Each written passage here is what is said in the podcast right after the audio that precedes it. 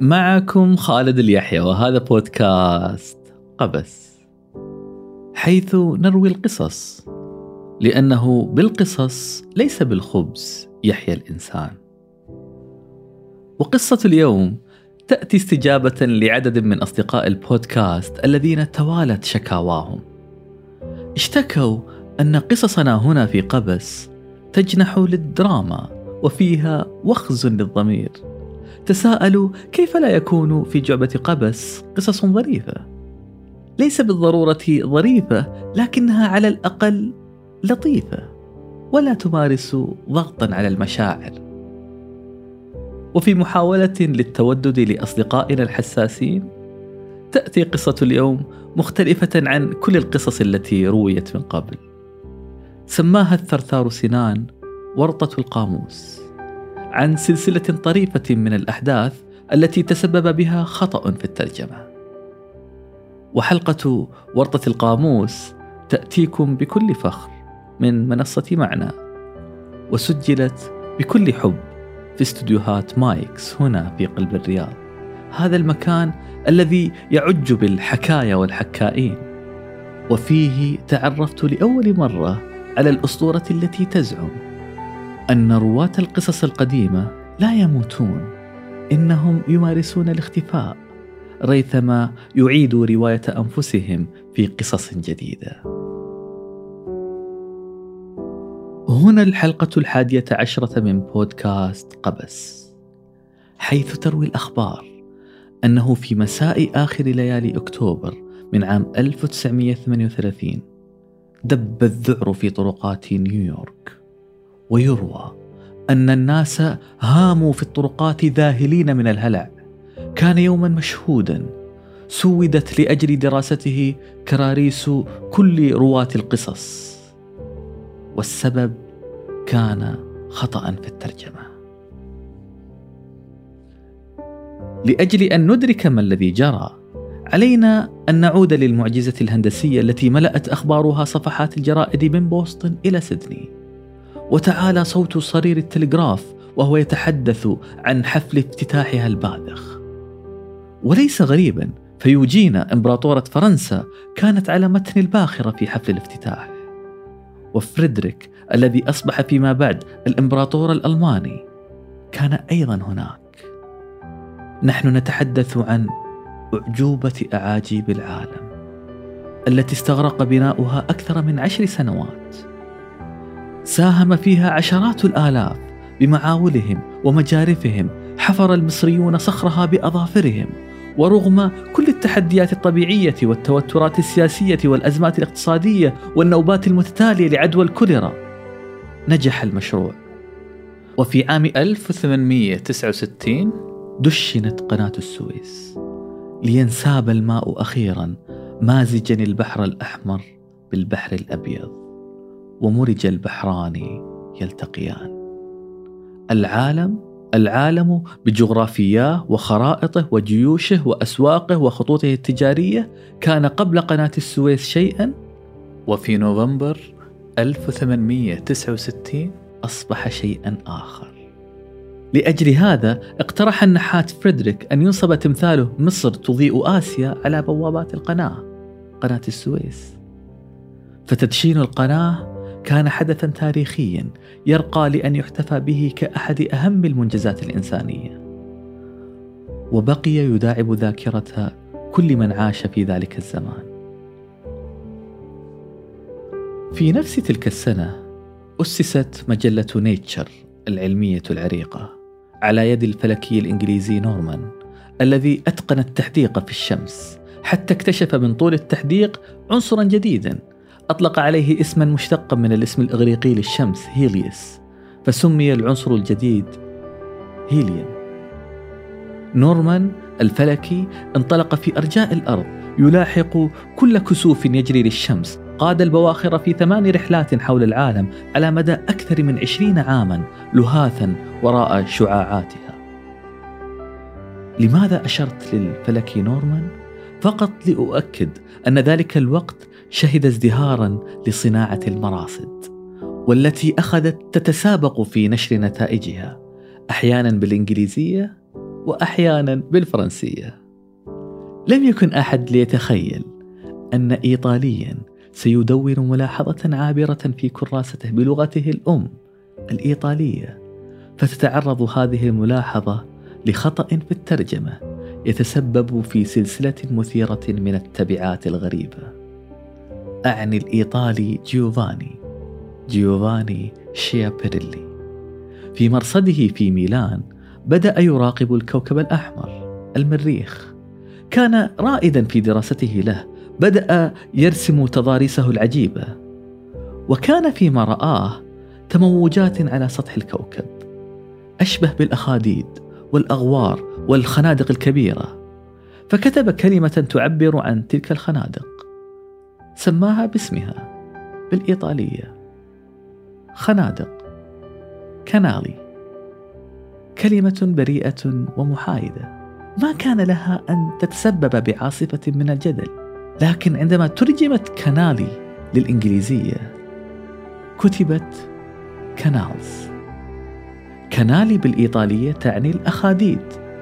وبالإنجليزية صارت تعني قنوات قنوات جمع قناة جمع قناة السويس ماذا؟ هناك مثل قناة السويس؟ ليست واحدة بل العديد منها؟ مثل المعجزة الهندسية البشرية؟ سرعان ما تسيد الخبر صفحات الجرائد من بوسطن إلى سيدني عن هذا الاكتشاف الهائل ثمة مخلوقات على سطح المريخ. قالوا مخلوقات تحفر القنوات. وأفعم جمهور القراء الإنجليز بالخيال. وبما ظنوه اكتشافا علميا يؤكد أن القنوات المائية هناك من صنع مخلوقات سماوية. وعندما انتقلت الأخبار لأمريكا وسمع بها الثري لويل انفجر حماسة للخبر. وأنشأ هو الآخر مرصدا. وفي مرصده في العراء في أريزونا كرس لويل حياته لاستقصاء أمر هذه القنوات. حللها وكتب عنها قال أنها تستخدم للري وزراعة الصحراء وبسبب تعقيداتها الهندسية تكون في المخيال الثقافي تصور عن المخلوقات المريخية. لابد أنها سليلة لعرق فريد من العمالقة. فالبشر قضوا أكثر من عشرة آلاف سنة منذ نشأة الكتابة ليدركوا أهمية حفر قناة مثل قناة السويس. ترى كيف استطاعت المخلوقات المريخية أن تحفر كل تلك القنوات؟ يا لهؤلاء الجبابرة. ولأجل هذا قضى لويل خمسة عشر عاما في رسم تفاصيل الكوكب وتتبع آثار تلك المخلوقات وخصائصها وتوجها بثلاثة كتب. أشهرها كان كتاب المريخ تحدث فيه عن شبكة معقدة من القنوات استطاعت المخلوقات المريخية أن تنقل المياه من خلالها من القطب الشمالي بعد تذويب الجليد لواحات متناثرة في كافة أرجاء الكوكب الصحراوي. الروائي ويلز قرأ كتاب المريخ فقدحت في رأسه فكرة عبقرية. إن كانت المخلوقات المريخية على هذا القدر من الرقي والتطور فستمارس شأنها شأن كل الأمم المتطورة الشيء الذي تتقنه. الحرب. تحديدا ستشن الحرب على الأمم الأقل تطورا. وبعد سنتين بالضبط نشرت رواية حروب العوالم عن الغزو الإمبراطوري من المخلوقات العملاقة المتفوقة تطورا وقوة وتكنولوجيا الغزو القادم من إمبراطورية المريخ تماما كما كانت تفعل الإمبراطورية البريطانية التي كانت تعيش في ذلك الوقت ذروة المجد في عصرها الذهبي.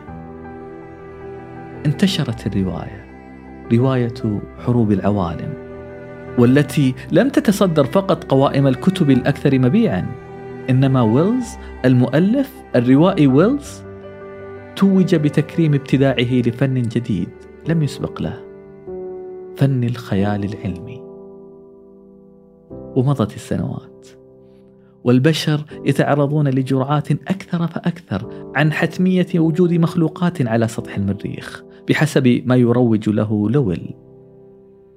حتى جاءت سنة 1938 في ذلك الوقت كان تمثال مصر تضيء آسيا قد حط رحاله في نيويورك. وصار اسمه تمثال الحرية. وهناك تروي الأخبار أنه في مساء آخر ليالي أكتوبر دب الذعر في طرقات نيويورك ويروى أن الناس هاموا في الطرقات ذاهلين من الهلع. كان يوما مشهودا سودت لأجل دراسته كراريس كل رواة القصص. توقفت الإذاعة لتعلن الخبر في تمام الثامنة مساء أورسن المذيع الشهير لزم الميكروفون بعد سلسلة من الانقطاعات لنقل الأخبار العاجلة. الأخبار كانت تقول أن الشرطة هرعت لطمأنة السكان لكنها فوجئت بالخطب المهول. كانت هناك أصوات انفجارات مروعة. أورسن وصف الفزع الذي كانت تتناقله رواية المراسلين المبثوثين في الشوارع. الفزع الأكبر يخطف الأنفاس. ثم ثم تحلق السكان والشرطة والعابرون حول شيء مهيب ملأ ناظريه بالرهبة. هنا اشرأبت أعناق المستمعين. بعضهم غادر منزله للمكان الذي تحدث عنه المذيع أورسن. ثم انقطع الإرسال. قبل أن يعود أورسن قائلا هنا المحطة هل يستمع لنا أحد؟ وأعلن عن المفاجأة. أن المخلوقات المريخية وصلت الأرض. فعم الرعب في أرجاء المدينة وخرج الناس يعلوهم الصراخ في طرقات نيويورك. وهنا تصل الحكاية لنقطة لا عودة حيث أخبركم أن المذيع أورسن أراد أن يصنع مقلبا كبيرا. كل ما هنالك أن أورسن كان يقرأ رواية حروب العوالم لكنه اختار أن يرويها بصورة درامية جعلت مستمعيه يتسابقون لتصديقها. كانت أول قصة تذاع بهذا الأسلوب الماكر وتستهدف جمهورا عريضا. استثمر إيمان جمهوره الذي كان مستعدا للدهشة، كان مستعدا لقراءة العجائب، وكان يثق بكل ما يبثه الإعلام. وطبعا بعدها كانت هناك الشكاوى. والانتقادات والحنق والدعوات لسن التشريعات التي من شأنها تنظيم محتوى الإذاعات. وغدت حكاية تلك القصة الإذاعية واحتشاد سكان نيويورك حدثا تاريخيا يدرسه كل طلاب الإعلام اليوم في مادة سيكولوجية الجماهير. وكشأن كل الحكايات شابه شيء من التضخيم والمبالغات. القصة الإذاعية الدرامية التي قرأها أورسن قصة حروب العوالم والتي كتبها ويلز بعد أن تأثر بمقالات دونها لول الذي أقام مرصده في العراء ليبحث عن القنوات قنوات ضخمة تتقزم أمامها قناة السويس القنوات التي لم تكن سوى وهم نشأ بسبب خطأ في ترجمة كلمة إيطالية. وهنا نصل إلى الموضع الذي يحق لنا فيه أن نسخر من أجدادنا قبل مئة سنة. إنه يحق لنا اليوم نحن أبناء 2020 أن نسخر بأسلافنا السذج. كيف آمنوا بوجود أنهار على الكواكب الأخرى ومخلوقات تسرح وتمرح على تلك الصحاري وتصدق كل تلك الأكاذيب؟ مرة أخرى يحق لنا فعلا السخرية من أسلافنا السذج. لكني أوثر تجنب ذلك والتوقف عن السخرية. فصحيح أن مرصد لويل بدأ نتيجة وهم سيطر على صاحبه وسخر حياته له من شدة رغبته بالإيمان بالعجائب. لكن ذلك جعله يبدأ في البحث والاكتشاف والسؤال. وكلنا نعلم أن الإنسان بمجرد ما يتقن اختياره لبداية السؤال فإن سلسلة الإجابات حتما ستقوده لمناطق مجهولة. وهذا ما حصل. مرصد لول الواقع في أريزونا ما زال موجودا. اكتشف بلوتو وحلقات أورانوس وأضخم ثلاثة نجوم يعرفها الإنسان اليوم. واكتشف أيضا من فرط السخرية تواجدا كثيفا للماء في كوكب أوسايرس البعيد عنا جدا. ويعد مرصد لويل واحدا من أهم مئة موقع على وجه هذه الأرض اليوم بحسب تصنيف التايم. مرصد لويل الذي كان السبب وراء تأسيسه خطأ في الترجمة.